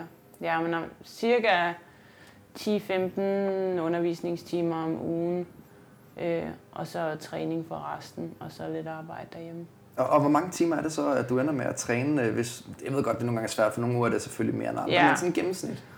Ja, men for, nu har jeg for nyligt lavet sådan et uh, schema over, fordi jeg skulle begynde at tage flere kunder ind med min kost og se, hvad jeg rent faktisk havde tid til. Så jeg sætter af hver dag, så jeg kan træne fra 11 til 3. Fordi det er der, vi har open gym, ligesom vi snakkede om Ja. tidligere. Det, der, det kan lade sig gøre. Øhm, så det er der, er i boksen, og det er der, jeg kan løfte og lave gymnastisk teknik, eller altså crossfit. Så derudover laver jeg ofte noget løb eller roning om morgenen, eller om aftenen, øhm, og noget accessory work, eller hvad det skulle være. Men det kommer lidt an på tidspunktet i sæsonen. Men jeg sætter den tid af til træning og mobilisering. Og, Har- du øh, noget træningsudstyr derhjemme? øh, nej, ikke rigtigt. Nej, Nej, okay. Jo, altså, vi bor i sådan en lejligheds øh, kompleks, hvor Ja. der er sådan en lille gym til, så jeg kan godt lave lidt dumbbell stuff, og der er lige kommet en ro og en løbemaskine og Ja, sådan okay. noget. Og der er lige kommet. Ja. Men Ja. følger du et program? Ja, jeg følger Train for the Win. De har også en, Okay. øhm, som hedder Train for the Win Compete. Er du så i Ja. kontakt med Matt Chan omkring øh, faktisk øh, din udvikling som atlet? Ja, det har jeg. Ikke, øh, ikke lige så meget, som jeg havde på et tidspunkt. Da jeg første gang øh, gik videre til regionals, der havde jeg fuldt CompTrain bare øh, selv, og så med lidt hjælp fra ham, ejeren af den boks, jeg arbejder i. Øh, men da jeg så gik videre, vidste jeg ikke rigtig lige, hvad Altså, jeg da du skulle gøre. kvalificerede dig fra Open til Regionals. Ja, så tænkte jeg, oh shit, hvad, hvad gør jeg nu lige her? Det var der ikke nogen af os, der sådan Nej. rigtig havde noget erfaring med. Og øhm, jeg ser en kiropraktor, øh, sådan rimelig regelmæssigt, og han øh, kender Matt. Og så tænker jeg, nu spørger jeg bare, måske, måske jeg bare kan få et møde eller to, og han i det mindste kan give Mm. mig lidt fif. Han er sådan lidt celebrity, jo. Ja, altså, det, hvem, hvem er det- Matt? Til dem, der det, ikke- det er ikke sikkert alle lytter, der kan have OG CrossFitter, men det er altså lidt stykke tid siden. Kan, kan vi lige, hvem er Matt Chan? Jamen, han, han er jo en af, vi kalder det OG's Ja, ja. i CrossFit. Øh, Jeg tror, han var på podiet i 2013. Det, det, jo, det, Han, det er altså, han, er sådan, virkelig, han var virkelig god. han var Men virkelig dygtig sådan, øh, i, i Ja. de der start 10'er der, ikke? Altså, det var der, han peakede. Og, Han sluttede i 14 eller hvad? Altså, det er et stykke tid siden. Ja, og han har rigtig Han mange skavanker. Han havde det skade, her, der hedder øh, compartment syndrom i sine øh, ben især. Og det er ret voldsomt, hvis man går ind på hans Instagram og ser Ja. nogle billeder. For compartment syndrom er det, at der musklerne er så voluminøse, at der ikke er plads til ens, øh, kan man kalde det, nervebaner og, og sener. Så man har så meget smerte. Det er lidt ligesom at have en fran pump i underarmene bare hele tiden. Mm. Øh, så ens, du ved, ben sover og fingre sover. Øhm, så, så den måde, man øh, løser det på, det er ved at skære øh, huden op på en eller anden måde, for, så, så der sådan bliver plads på den måde. Og så, så tror jeg, man, man sådan syr det sammen lidt længere fra. Eller, jeg, jeg er ikke helt med på, hvordan man... Men, Men, men det var også fra en stor skade, han havde på Okay. okay. mountainbike. Okay, Ja, hvor han kom til skade, øhm, og hvad hedder det, kottede den store åre. Ja, Og det i var benet? ned. Ja, så ligesom det løb ud, det posede sig sådan Ah, op. okay. Så det er derfor, han har fået åbnet det op, benet. ja. Okay, okay. og det ser ret sindssygt ud, det Begge billede. steder, ja. Og det var i 2014, tror jeg. Og, og så prøvede han at komme tilbage efter det. Øhm, og jeg tror, han blev nummer 9 i 2015 til Regionals, så Ja, han gik ja. ikke videre. Nej. Og så er han så sidenhen gået tilbage til at være fuldtidsbrandmand. Men man kan jo sammenligne lidt med en, en, en fyr som uh, Graham Holmberg, som jo også uh, vandt, hvad er det, øh, hvornår vandt han? 10, 11? Men han, der er sådan en tid, der er ligesom løbet fra ham, han er blevet for gammel, eller han vil Ja. noget andet med sit liv, Ja. eller, eller hvad det nu Ja, er. jeg tror så er det det sidste, det der, ikke? Ja. at man Ja. vil noget andet med sit liv, Ja. og den der fire, ikke? Ja. Lige præcis. Men, men du har så haft kontakt, og har stadig kontakt til Matt Chan. Ja, så det er det første år, der snakkede vi sammen over telefonen, efter at det havde min kiropraktor sat op. Og så var jeg sådan, ja, om han måske kunne give mig lidt gode råd, jeg vidste ikke rigtig lige nu. Ja, men øh, jeg kan træne dig tre gange om ugen, sagde han. Okay. What? yep. Fedt. Så i to måneder op til Regionals 2017, der trænede med ham. Og der, hvor de boede, og lidt i Roots og lidt CrossFit Verve. Så det vil være ligesom at ringe til Frederik ugen. Egidius og sige, ja, ved du hvad, jeg kommer lige og træner dig tre det er gange om ugen. ja, det var, jeg var bare sådan, okay. Men, men der er vel også en, en, en form for øh, prestige i det her, som, som, som de her coaches øh, i de her mange programmer, nu er der snart er ikke 15-20, altså enhver tidligere gamesatlet med respekt for sig selv har Ja. Ja, det er professor, professor Ja, det er er det professor. sidste Og ja, lige fået med er. Men, men der er jo en prestige i at have nogle regionsatleter under sin vinge, for så kan man vise, at ens program virker, kan man sige. Så det er jo også en, det er også en, en win-win situation for ham. Man vil nok på tre gange om ugen. Altså, det er jo, det er jo meget Jeg tid. lærte så sindssygt meget på de Ja. to måneder. Det var ligesom sådan et intenst kursus. Altså, det var, Det at være konkurrence crossfit og sådan ja, noget. helt vildt. Og så, er vi så, så startede han efter det med at være fuldtidsbrandmand igen, så nu er det mere bare øhm, ja, sådan kontakt over telefonen. Øh, og så hjælper jeg lidt med at lave deres videoer til Train for the Win og sådan noget. For da jeg startede med at arbejde med ham, så skiftede vi til, så programmerede han for mig, og så hoppede jeg på deres Train for the Win Compete-program. Men ja, han er, det var virkelig lærerigt. Vi skal også til at hoppe til øh, en, øh, en, øh, en pause nu, tror jeg. Så vi kan få noget kaffe og, og Ja. den mikrofon Og der. skal vi høre mere om regionals bagefter? Det glæder vi os rigtig meget til. Yep. Hej, mit navn er Christina Erbæk, og du lytter til CrossFit Ministeriet. Mit navn er Nikolaj Rønnow, og du lytter til CrossFit Ministeriet. Vi er tilbage efter en lille pause med lidt øh, snakken rundt omkring. Og øh, hvad hedder det, vi snakkede faktisk øh, en ting, vi ikke lige nåede før, inden vi lige går videre til regionals, Thomas. Vi snakkede overhovedet ikke kost før. Og det snakkede vi lige i pausen. Mm. Så vil du bare lige hurtigt, nu snakker du som om, at du også øh, laver noget kostvejledning. Vil du bare lige hurtigt fortælle, hvordan spiser du anderledes end almindelige mennesker, hvis du gør det? Først og fremmest spiser jeg nok meget mere, end andre mennesker gør. Men jeg spiser omkring øh, mellem 2700 og 3000 kalorier om dagen, alt afhængig af, om det er active recovery, eller rest day, eller training day. Øhm, og så kører jeg på træningsdag øhm, et split med 25% protein, 50% kulhydrater og 25% fedt. Så det er omkring Lige nu på træningsdag er det 375 gram kulhydrat, så hvis man ved lidt om det, så det er meget. Ja. Så du har helt styr på dine macros, som man siger. Det, det er Ja. ja. den måde, du kigger på din mad på. Ja, så vejer jeg min mad og plukker det ind i en app, jeg Ja. har. Øhm, Og så Fitness Pal. nej, Nej? Nå, My okay. Macros Plus, den er Nå, meget okay. bedre. Her er en anbefaling fra, fra Stine. Ja. Hvad, hvad med, øhm, hvad skal man sige, madkvalitet? Ja. Hvordan kigger du på det? Der spiser jeg, jeg, jeg siger altid real food, så, Ja.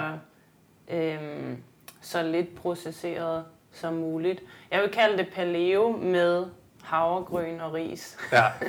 Øhm, og så har vi snakket også om, så tager jeg en kulhydratdrik og proteindrik efter øhm, træning eller shake. Ja. ja. ja, så paleo med lidt tilføjelser. Laver du det helt selv? Mad, ja. Mm. ja. Jeg har ikke nogen, der sender noget som helst. Nej. Og jeg, er jeg er så mange, der misundelig på de der atleter, som får de der bokse med hele deres øh, madplanning. Det ser Ja. fucking vildt ud. Kæft, det må være let. Man sparer også en del penge. Altså, det er meget madpenge, man sparer, tænker jeg. Ja, Hvis man vil have ordentlig mad, ikke? Øh, Den, men det leder os egentlig også ret fint over til det næste emne, som jo er regionals, øh, som du har været til to gange som individuel. ja. Ja, øh, hvad hedder det, i år og, og sidste år. Ikke? Øhm, hvordan spiser du under konkurrence egentlig? Øhm, der Fordi- prøver jeg. Ja, hvis jeg lige må hurtigt, fordi Mhm. mm. jeg så øh, hvad hedder det, øh, Patrick Vellner øh, hvad hedder det, til regionals i, øh, i de der film, der nu er lavet, og Brent Fikowski til regionals, mm. hvor at, øh, det sjove er, at, øh, at Patrick Vellner, han kan ikke finde ud af at spise til konkurrencer, så hans nye træner, øh, Michelle øh, Latandra, hun render rundt sådan, og har ekstra snacks med til ham og prøver at fodre ham, fordi ja. så, han ikke, så han ikke glemmer at spise. Ja. Men hvordan, hvordan gør du? Har du også en, der fodrer dig? Eller? Øhm, nej, jeg, det, jeg har egentlig ikke noget problem med at, at spise sådan under konkurrencer. Øhm, jeg prøver at holde det så normalt som muligt, så altså absolut ikke prøver nogle nye ting af på en træningsdag og risikerer at få dårlig mave eller noget af den stil. Så nu har det de, de to år, hvor jeg har været med, har jeg ikke startet øh, første event på dagen før efter frokost. Så derfor har jeg kunne spise min normale morgenmad, øhm, og så time sådan en slags frokost i god tid inden det første event. Og så har øh, udfordringen lidt været, fordi vi ikke har haft mere end to timer mellem vores events, så er det med at få nok ind, så du kan restituere, men det kan ikke rigtig være et fuldt måltid, så der kører jeg med øh, proteinpulver og kulhydratpulver, og så sådan nogle øh, baby pouches. Øh, sådan Sådan noget, et gelé-agtige ting? altså. ja, men det, ja, det, Babymos. eller Ja, noget, ikke? baby Åh, ja. ja. Ligesom til min datter. Ja, Ja, jeg gør det faktisk også Ja. ja. selv, øh, fordi jeg har svært ved også at spise, så Ja. ja. Ja. kører sådan en øh, babymos der imellem eventsene, det er bare og lige lidt vand, så er det nede. ja. Ja. Så der er altså sådan rent, øh, hvad hedder det, i forhold til kost, så er det en ratio på omkring 1 til 2 eller 1 til 3 af protein og kulhydrat efter eventsene. ja, fordi det er kulhydrater, der er vigtige i forhold til at load op til Ja, det og så alt afhængig af for eksempel efter øh, Triple 3 i år, øh, den lange, Ja. øh, der, der tog jeg i hvert fald både kulhydrat og et par af de der pouches for Ja. at restituere så meget som muligt. Øhm, og så bare med at spise meget om aftenen. Jeg tror, sidste år gjorde jeg den fejl, at jeg bare holdt mig fuldstændig til min macro, som det var øh, I træning, man skal sige. Ja, Ja. og på dag 1. Så dag 2 var jeg ikke sådan, der følte jeg mig måske lidt deprived, eller sådan ja. lidt træt. Øh, så i år, der, hvis jeg var mere sulten, så spiste jeg bare om aftenen, selvom at det gik over mine normale macros. Så altså bare meget fokus på at få nok. Ja. Så det virker som om, der virkelig er styr på den kost med, det er rimelig stramt og sådan ting, og sådan øh, en feeding plan, ligesom man kender fra næsten triatleter i forhold til sådan timing windows med, Ja. med, mellem, øh, nu så under events tit der, ikke? Men altså Ja. mellem events. Interessant. Hvordan, hvordan var det sådan den overordnede oplevelse til, øh, til regionals i år?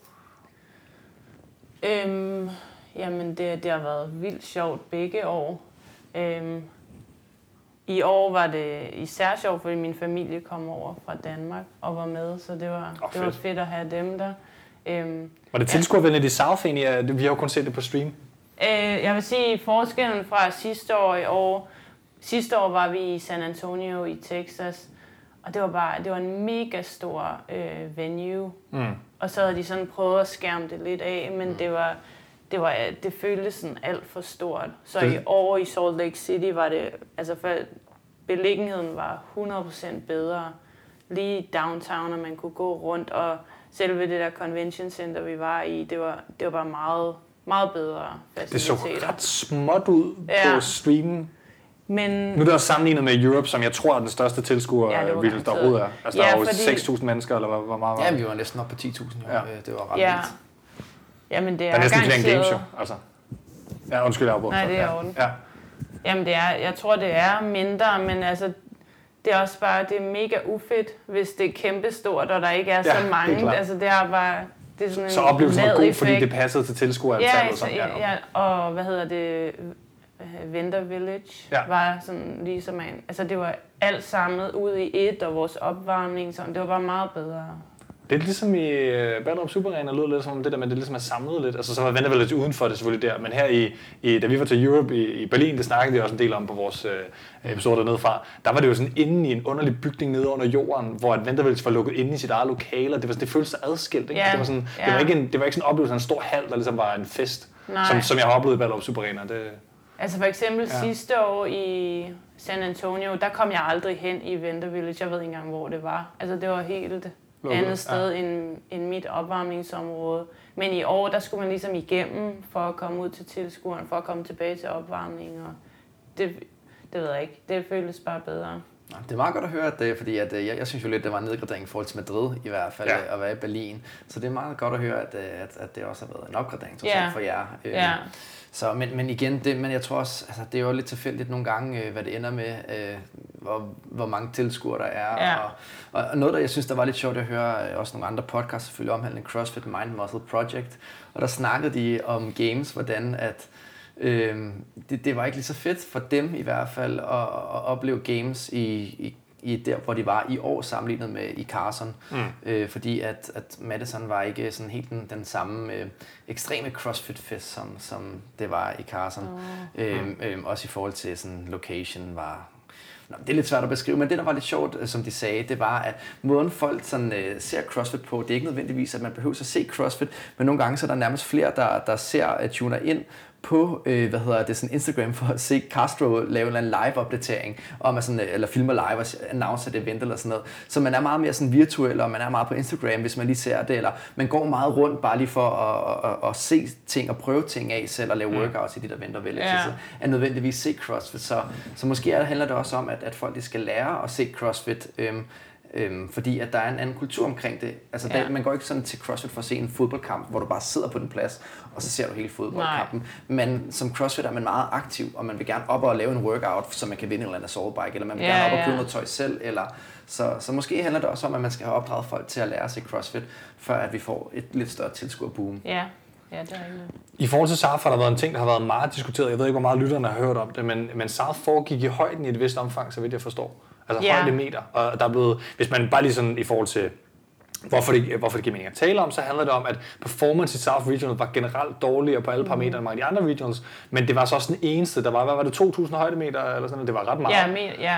fordi Jeg- jeg omkring vidste ikke, Salt Lake City var så- 5.000 Fod, ja. Ja, ja. Og, altså, det gør jo en stor forskel for ilt, øh, hvad som siger, Ja. øh, altså, Optagelse. ja, præcis. Ja. Måden, at du ligesom, øh, øh, når, man, når folk ligesom øh, bestiger bjerge, så ved folk, at på, et- på, på et vist tidspunkt, så øh, kan folk næsten ikke komme længere, fordi de ikke kan trække vejret, og så skal de have iltmasker, hvis de bestiger Mount Everest for eksempel. Så Nu er, det, nu er det slet ikke 8 km, men stadigvæk, Nej. det gør en stor forskel for, Ja. for performance, især det, for det aerobe. ja. Oplevede du den forskel, og har du trænet i højden før? Ved du sådan, hvordan, altså, Ja, nu er jeg heldig, at vores, der hvor jeg bor, det er præcis samme højde, eller lige lidt højere. så du har lavet uh, train high, compete high? øh, Ja, ja okay. det ville bare have været bedre, hvis det var train high og så low. Jeg skulle til at sige, Ja. er der en fordel nu her til Classic så måske, fordi du vandt til Ja, men, ja, Det, det, måske, det, efter, det tager kun et par uger, før det forsvinder, ja, den her. Okay, Okay, der, ja. nu er der gået, så når vi starter, er der gået to uger. Det bliver Jo. værre at komme tilbage til min første træning i Ja. Colorado. Det var jo engang den gyldne kral, det her med at uh, træne højt og compete low, men det forsvinder desværre så hurtigt, at, det, at det, det gør stor forskel her.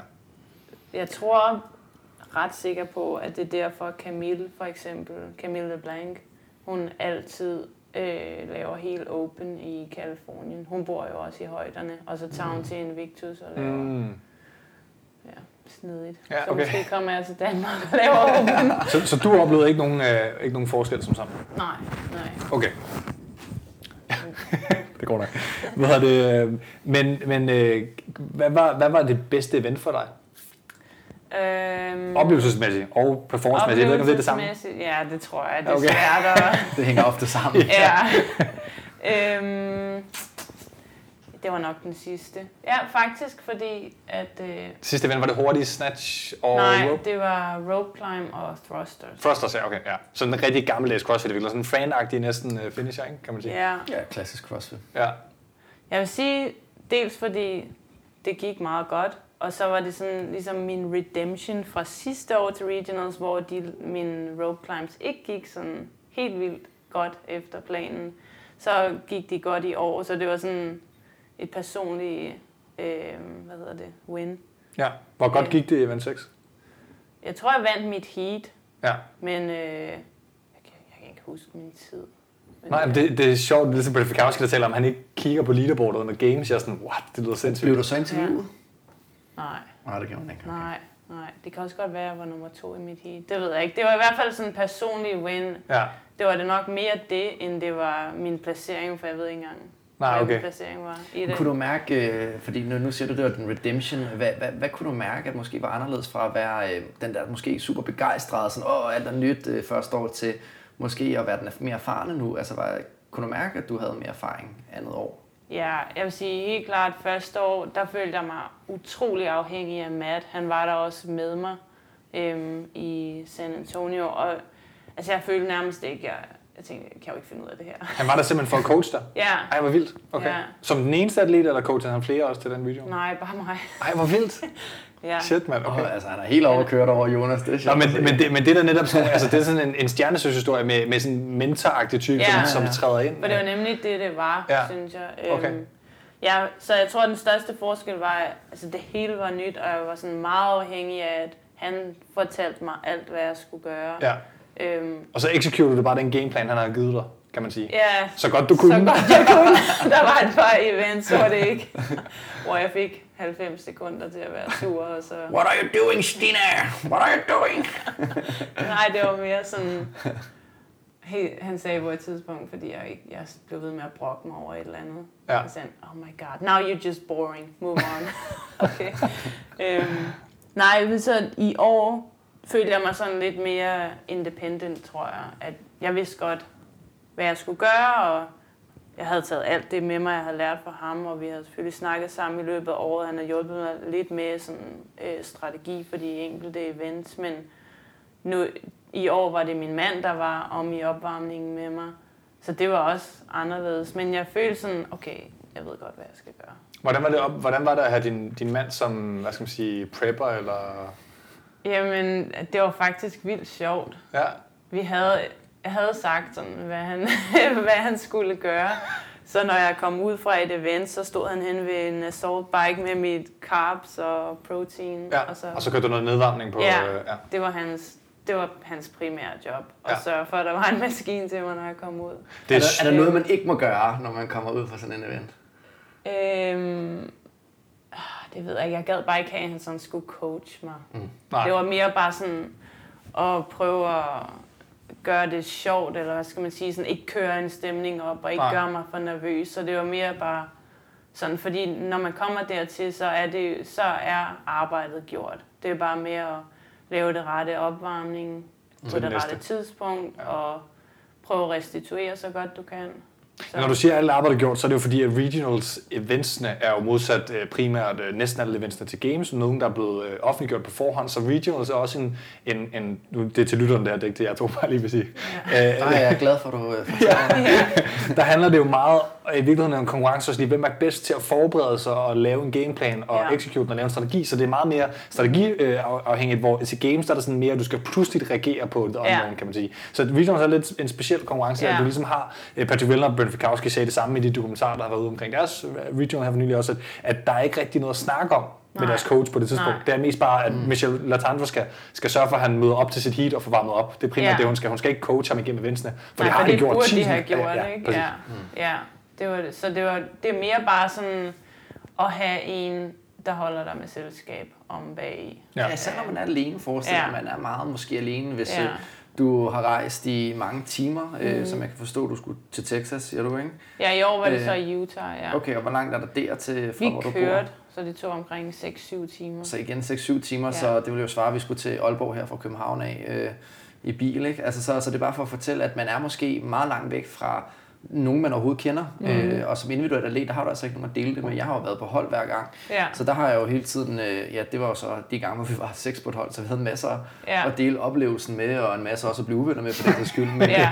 men, men man har i hvert fald en masse at, at dele det med, ikke? Så, så der kan jeg godt forstå, at det, det har en stor betydning, man har en, ja. En coach eller sin mand i hvert fald, øh, på en eller anden måde. Jeg ved ikke, hvordan det er med hold, men det er, det er ikke altid super hyggeligt i opvarmningsområdet. Problemet er nemlig, er, at man står øh, som en sild i en tønde, og ja, som individuel atlet er det svært nok at få en maskine. Øh, Ja. Som øh, holdatlet, der er det og alle nærmest sådan umuligt. ikke? skuer lidt til hinanden, og der- nogen der- går rundt sådan lidt oppustet. Og, Og det, det gør man uanset om det er individuelt eller hold. den ja, det er det, jeg mener. Ja, ja. Men så er det mindste, hvis man har en, der er på ens hold, eller hvad man skal sige. Så. Ja. Kan, kan jeg lige fra, fra to... Øh, nu nu ram, ramte vi lige cooldown, og det er sjovt, fordi at øh, til lokale konkurrencer i Danmark, RX Events, de stiller altid via deres, øh, deres sponsor eller samarbejdspartner, jeg ved ikke lige, hvordan det fungerer, med Fitness Angro, de har altid de der det er ikke assault bikes, men det er bikes, der ligner assault bikes rigtig meget. De har altid masser af dem til rådighed i opvarmningsområdet. Ja. Øh, det er ret tit, der er ikke særlig mange, der bruger dem. Og jeg forstår aldrig helt, hvorfor folk ikke laver en cooldown. Nu ja. Sådan to lidt erfarne atleter, som jeg kan ikke lige forholde dig til øh, cooldown, bare lige super hurtigt. Gi- Giver det mening, skal man gøre det? Du siger, du går hen på assault bike. Ja, eller hvis, øh, hvis det ikke var til rådighed, så roer, eller bare, de havde også øh, assault runners, så bare gå lidt. Og efter hvert event, så det er også på en måde til regionals, for at du ved, hvad du skal, for mig i hvert fald, så du ikke er sådan, Nå, bare sådan lidt tilfældigt, hvad du har gang i. Så går jeg ud, og så sidder jeg der i 10 minutter og drikker mine shakes, og så Og kører meget stille. Det er jo ikke, fordi du lige laver hvad det, Overhovedet 50 kalorier for det er mere, så Ja. sidder man lige der lidt, ikke? Og så får ja. man lidt blodomløb. Altså, fordi ja, altså, jeg tænker jo, at, at sådan rent fysiologisk, så er det jo ikke sådan, at øh, du vinder fucking meget af at sidde på den der i, mm. i 10 minutter, men det er også mere sådan mentalt, man lige får pulsen ned, måske lige får clearet hovedet, hvis der har været nogle ting, der er gået ja, både godt og skidt. Ja. Så jeg kan godt lide at, og sådan set faktisk bare, når jeg er færdig med det event, så, så gå en lille tur. Mm. Øh, I hvert fald, hvis, når man er på hold, så er man nogle gange nødt til at lige hurtigt at snakke, ikke? men Ja. ellers så komme ud og, og gå en lille tur og tage en Ja. shaker og et æble eller en banan, eller hvad der er, man har brug for, Ja. eller en af de der gels der, som vi snakkede om.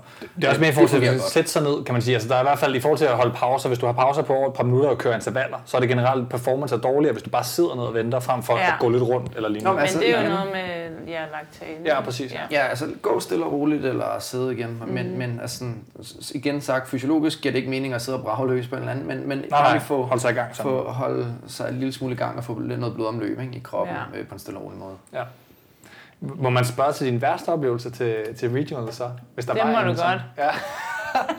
det, I Jeg tror- 2017 var det ræbende, lød det som om, i det sidste event.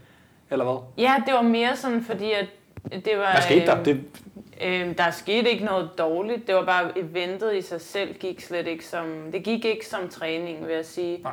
Det var, det var startet med overhead walking lunges, og så double unders og warballs, og så 10 rope climbs, hvor det halve er legless, og så skulle du tilbage. Det var sådan en var chipper. det chipperen? Ja. Ja. ja.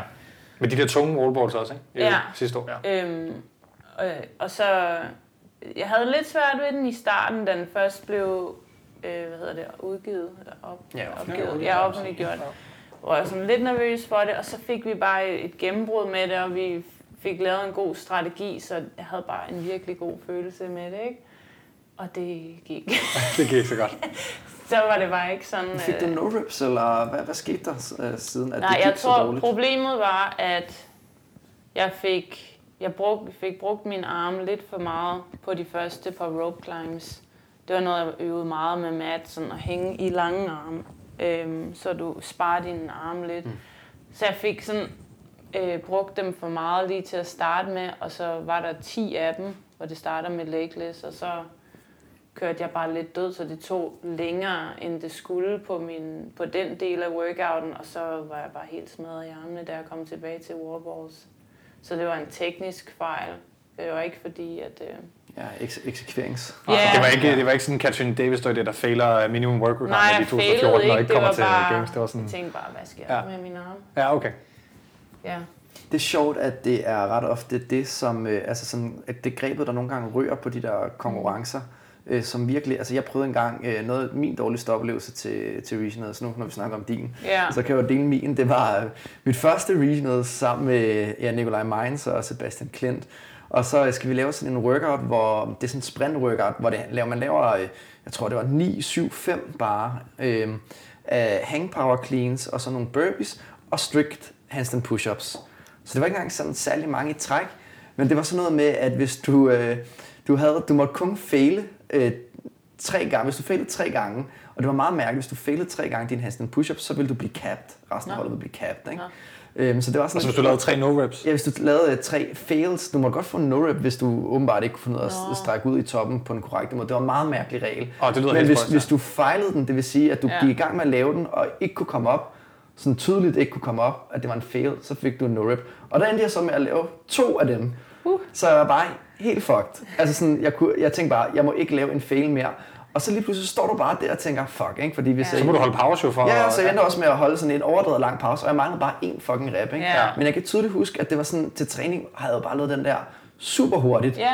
Og lige pludselig så, du ved, så den, jeg, jeg fik faktisk en no så de troede, jeg var blevet cap. Man kan se på videoen, at de, de tænker, åh, der røg jeg det, ikke? Ja. Men jeg bliver no fordi jeg ikke får strukket ordentligt ud på toppen, det der med at få hovedet igennem. Så det var bare no rep åbenbart. Ej. Så, så Ja. ja, så, så, så, så, det var, og fordi jeg fik den no-rep, så failede jeg to gange efterfølgende, fordi jeg gik jo efter at, at, at køre det. Mm. Jeg kan bare tydeligt huske at stå på gulvet der og se ens holdkammerater bare tænker, åh nej, fuck, øh, hvad laver Ja. han? Og står der helt øh, grøn i gamet, ikke? Og jeg, jeg fik heldigvis den sidste, ikke? Men det var virkelig sådan, jeg måtte tage den der lange pause. Og det er virkelig det der med, at det er, ikke, det er så ofte, du ved, det er ikke sådan, at ens øh, sådan åndedræt bliver, man bliver så mere forpustet end overrasket, eller man måske løfter færre kilo. Men det er det der med, lige pludselig, så er der måske sådan noget som konkurrencesituation, der stresser, så man sådan Ja. begynder at fejle nogle rope climbs i grebet, fordi Ja. man er helt brændt af, eller en Men handstand hvis grebet først ryger, så er det godt nok også Og bare det samme væk. med handstand push-ups, Ja. hvis det først rører, så rører det. Altså, ja så for så, så kræver det en lang pause, ligesom at...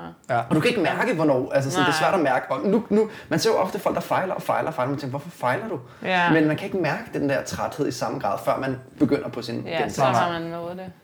Men jeg tror, at det var egentlig ikke den værste. Den i år, det værste og det bedste, tror jeg var, vi skulle lave den der handstand walk. Ja, med obstacles, ja. Og det var, det var gået vildt godt i træning, og jeg synes, at jeg havde ligesom fået gennembrud med den der, øh, hvad hedder det, trappe. Trappen, ja. ja. Rampen. Og jeg kan huske, at jeg havde sagt til så mange, jeg vil bare ikke være hende der, der står derude og ikke kan komme over den. Og det har jeg virkelig tænkt meget over, og så var det det, det endte med. Ikke? Hvor alle tilskuerne klapper ind, hvis man Ja, kommer over. og det eller- var mit værste meget, og jeg tror seriøst, det var fordi, at det var det, jeg havde visualiseret. Ikke? Altså, det var det, jeg var, havde været bange for. Øhm, så den gik slet ikke som i træning. Og jeg tror, at det var nok det værste, og det bedste var så, at jeg alligevel havde nok erfaring til... Det tog lidt mere end 90 sekunder at komme over det, efter eventet var over, men jeg var sur i måske 10 minutter. Det var så på anden dagen, det første event på anden dagen til Ja. event 3, ikke? Og så du gik ind til event 4 og var klar, uden Ja, at og tænke det på... gik skide godt. Altså, Ja. ja. Så det var, et, det var et win, at jeg ligesom kunne lægge det bag mig. For det, mm. det synes jeg, det mentale i regionals er også, altså det er så mega svært Mm. øhm, at tage et event ad gangen, og når det er overstået, så er det bare ærgerligt. Altså. Ja, det, det går så hurtigt. Jeg har også overfinket ja. nogle events, især de her uh, snatch events, uh, hvor man uh, har to forsøg. Altså det, mm. det havde man på hold, og hvis du missede dem, du ved, så, så var det slut. Altså, Det du er til, max. Altså Ja, en det er dem, En øh, af dem uh, snatch for eksempel, det, det har været i gang to gange, og, og der var det virkelig sådan, at hvis du missede en, så er det hele holdet, der er fucked. Og ja. hvis du har ambitioner om at komme til games eller noget, mm. altså så står du, det har jeg godt nok lægget øh, sådan flere uger, hvor jeg bare har sådan, Ja. Øh, Så jeg kan godt sætte mig ind i det der med, at du sikkert har tænkt i flere uger, den kom ud, den der ja. Handstand walk, så man lægger der og tænker, åh, oh, den skal bare gå godt, den skal bare gå godt, og så Ja. gik den ikke godt. Og så, altså, jeg, jeg kan så godt sætte mig ind i det. Ja. Altså. Ja.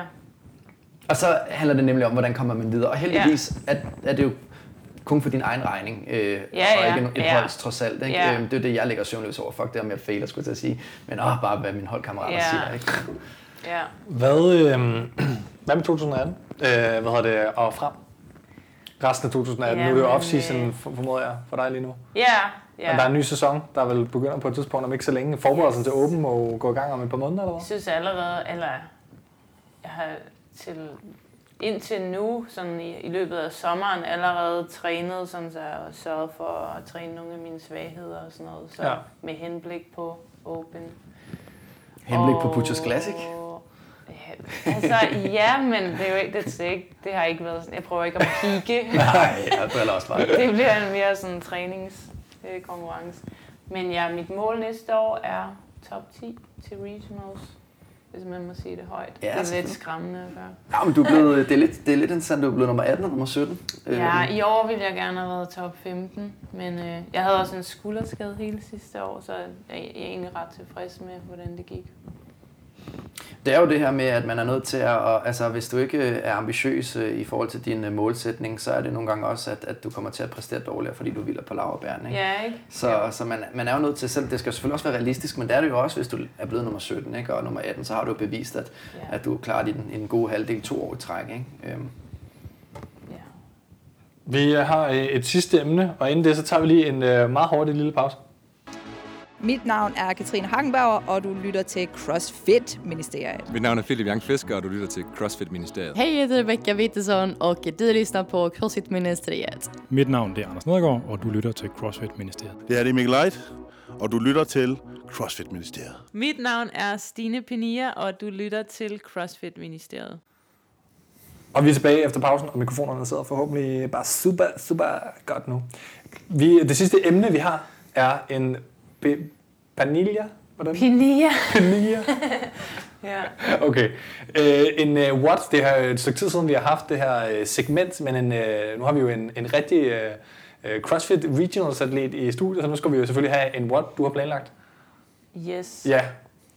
Øhm, det er ikke mig, der har fundet på den. Nej, Men vi lavede den for nyligt med Train for the Win, og den var simpelthen så sjov. men nu, nu hedder den en nu hedder den En- The Penia. panilla. Okay. Super. Øhm, okay, så jeg elsker thrusters. Det er mit yndlings, tror jeg. øh, helst også gerne tunge. Det er der ikke så mange, der kan lide. Nej. Øhm, og så kan jeg også godt lide at træne med andre, så derfor så er det med en partner. Og det er 20 minutters AMRAP. Og så starter det med, så det er kun thrusters hele vejen igennem. Så først laver I 70 thrusters sammen på 43 eller 29 kilo. Så, Forholdsvis mænd og kvinder. Ja. ja. så laver I 60 thrusters, hvor det går op til 61 og 38 kilo. Så laver I 50 thrusters, hvor det går op til 75 og 52 kilo. Og så 40 thrusters øh, af 84 og 61 kilo. Og så 30 thrusters på 93 og 66 kilo. Og så, hvis der er mere tid tilbage, så er det så mange thrusters, som I kan på 102 eller 70 kilo. Så skal man lige være i stand til at kunne de kilo først. Men der er i hvert fald en udfordring øh, der. Ja. Og ellers så kan man måske scale den en lille smule øh, med vægtene øh, lidt ned. Eller, eller Ja. noget, der. Altså, jeg er jo ret vild med når. også faktisk. Jeg kan, ret, Ja. jeg sjovt nok også godt lide. Altså, Jonas, Ja. du er heldig, når vi skal lave den her sammen her. Ja. at, øh, ja, jeg synes, det, er- altså, det er ledet. Thrusters er ledet. Men det klart. Der, jeg synes, det er, en, det, er en, det er en fed øvelse, både til, ja, at man arbejder både med sine ben og Ja. sine skuldre, og øh, bliver presset på lungerne, fordi man har den der stang liggende. Så det er en fed øvelse, der tester mange ting. Altså, det er en af de øvelser, jeg vil vælge. Hvis jeg kun måtte vælge tre øvelser, folk skulle lave altid, mm. så er for Ja, skulle helt klart helt klart. Det er jo hele kroppen. Helt klart, der er hvad det, også nogle ting, der det udfordrer ligesom ens øh, positioner i forhold til effektiviteten med at få presset stangen op med kroppen og benene. For hvis man Ja. ikke har et ordentligt front rack, der fungerer, Ja. og man, og man øh, spænder helt meget op, øh, eller, eller for lidt op, så Ja. ødelægger det jo ribben sådan øh, bevægelseseffektiviteten. Ja. Det kan man øh, is- især øh, hvad hedder det, 17-5 med double unders og, øh, og thrusters, der får du virkelig udfordret at kunne slappe af ordentligt Ja. de to øvelser. Øh. Helt klart. Men, men hvad kan man sige, øh, det er jo selvfølgelig også en AMRAP, så hvis man ikke kan øh, komme, hvis man ikke kan kiloene på et tidspunkt, altså der er måske nogen, der ikke kan lave, hvad, Ja. hvad var det nogle af de tungeste for kvinder for eksempel? Øh, vi, den ender på 70 kilo for kvinder, Ja, ja, og man- på 102 kilo for mænd. Hvis man nu ikke kan lave først med de kilo, så når man måske bare ikke dertil, fordi at Nej. man skal have lavet mange inden, kan man sige. Ikke? Men det er også fint nok. Men ja, Altså, det er, jo, det er jo helt sikkert, at når man når til 102 kilo, så bliver det måske lidt hurtigere nogle clusters, end så meget thrusters. Ja. Øh, jeg vil sige, det gør det meget tidligere, end du tror. Ja, okay. ja, Der kan man jeg, bare se, ikke? jeg kørte den med min mand, og øh, Vi, vi kørte bare med damevægt, ikke for at smide ham under. Nej, nej, nej, nej. Eller noget. 100, 102 kilo først, der skal sgu også tungt for mig. Nej, men det er også Ja. ja, lige præcis det, jeg mener, at man kommer helt sikkert til at køre clusters, når man når dertil. Så for ligesom at holde tempoet op for min skyld, så kørte vi bare med den samme stang og med mine kilo. Ja. Og vi nåede faktisk ikke engang, vi nåede ikke til den sidste vægt inden for 20 minutter. Nej. Det var forfærdeligt. Men det er også derfor, jeg synes, den skulle med, fordi Ja. ja. den er mega fed. Åh, oh, super. Jamen, det er også bare lige til vores lyttere, som jo generelt er motionist crossfitter, kan man sige, i gennemsnit, så, må man, så, så er det bare pointen, at når det er en AMRAP, og du skal lave rigtig mange reps, så er det slet ikke sikkert, at du når til det kilo, du ikke Nej, kan, for du skal nej. lave alle de andre reps først. Havde I øh, vækst, øh, vægtene, stængerne klar, eller proppede I vægte på? Nej, vi som- skiftede vægt undervejs. Ja, Ja, okay. Så det, ja. Ved du hvad, det er faktisk en fed ting at gøre, fordi det er en ting, folk også bør lære at skifte vægte under. Det bliver brugt mere og mere til konkurrencer i virkeligheden. Til games Ja. var, det, var det i år øh, jo også en, en, en, Ja. en fin ting, at det er Ja. med i tidens altså, total, ikke? Så. He- Helt øh, basically, hvis øh, nogle af lytterne sidder og, og tænker, at de har set noget eller den her workout før, så er det jo sådan til den qualifier, der er til øh, Norges face-off. Mm. Den første, der er det jo sådan set øh, også en ladder med thrusters og sådan nogle gymnastiske Åh, ja, øvelser, men ja. der stiger den også øh, lidt eller den måde, selvfølgelig ikke med så mange gentagelser, men, men der skal du selv skifte vægtene i løbet af workoutsene. Mm. Og faktisk apropos lære at skifte vægte, da jeg havde lavet de første to, så var jeg jo selvfølgelig øh, træt, det vil sige de første to forskellige vægte. Ja. Så da jeg skulle i gang med den tredje vægt, så havde jeg jo selvfølgelig øh, glemt at tage den ene 5 kilo skive af den ene. Så jeg tabte måske 20 sekunder bare på sådan at have proppet den på, for så at tage skiverne af igen, Ja. for at gøre sig klar til Ja. det. Total brain fart, men det er altså det, der sker, når man ikke kan tænke, for man bliver dum af at træne. Ja, et, et, øh, et, hvad skal man sige, et, et, et råd i den forbindelse er selvfølgelig at lære, øh, ikke fordi jeg siger, at du ikke også kunne det i forvejen, Thomas, men, men et, et til CrossFit Total så man flere atleterne, have, de havde ikke kun skrevet ned, hvilken vægt de skulle ramme, de har simpelthen regnet ud, hvilke skiver Ja. skal man skifte til fra det, de har haft på hurtigst muligt til den næste. Ja. Øh, så, så det er jo ikke kun at sige, jeg skal have to 20'er og en 10'er på, fordi hvis du skal skifte fra at have haft øh, hvad det, en 20'er og en 15'er og en 5 kilo på, eller sådan noget før, så skal du tage nogen af, før du skal tage dem Ja. på, og så videre. Så sådan nogle planer, det er virkelig en, en træning i noget af det forberedelse, der ligger, Ja. hvis man skal være rigtig taktisk. Ikke? Ja, helt klart. Men jeg vil sige, den her, så, så tror jeg, at begge partnere er okay med en lille pause, mens der er skiftet væk. Så det er ikke tror jeg, fordi, du- det ja. tager noget fra den endelige score, tror jeg. Nej, det kunne jeg godt forestille mig, ret i. Men en god ting at det træne noget. under, øh, hvad skal man sige, aerobisk pres, mens man er, så man ikke glemmer 5 kilo, ikke? Helt Jo, men ingen tvivl om Ja. det, men altså det her, det er altså high rep. Altså for at bare gennemføre den første runde, så skal du i princippet lave øh, 35 thrusters hver. Så det er Ja. øh, ret voldsomt mange thrusters. Og hvis jeg prøver den her på min hold øh, i, i hverdags Danmark, skulle jeg til at sige hverdags fitness Danmark, så øh, vil de nok også øh, brokse lidt over, at det var lidt mange gentagelser. Ja. Men når det er sagt, så jer, der sidder og lytter med derude, I er jo... Øh, hvad vi definerer som crossfitter, og mm. nogle gange så skal crossfitter også lave noget, der er lidt dumt. øhm, Så for eksempel rot maraton. Ligesom at rute maraton, bare fordi, at øh, man skal, jo- det kommer til game, så gør man det jo. Ja. Så laver man også den her workout, fordi at den er så voldsom, at, at det bliver sjovt på en eller anden måde. Ikke? Altså, Ja, lige Hvis, præcis. hvis I laver den derude, så øh, hashtag, og hvordan staver man ind dit efternavn, så kan vi lige tage den nu, i stedet for at tage den i slutningen.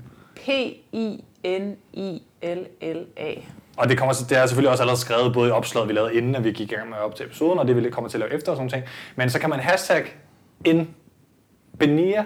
Fini, ja. Ja, ja, okay. Dobbelt L på spansk, Ja, ja, ja, eller men- latinamerikansk, man vil, er jo Ja. øh, et J, Ja, ja. hvis man skal sige på Lige dansk. præcis. Øhm, og øh, hvad er der også øh, selvfølgelig øh, hashtag CrossFit-ministeriet og tag os, eller et eller andet, som tænker, måske også tag Stine, hvis de har, hvis de har lyst. gør det. Og så, øh, så kan man vise, at man har lavet den her. Så er det simpelthen et, et badge of honor, at man har gennemført den her øh, første workout. Ja, men altså helt sikkert. Og øh, måske et lille shout-out to Train for the Win, fordi det er jo ikke min work. Nej, okay. Jeg vil ikke tage credit for den.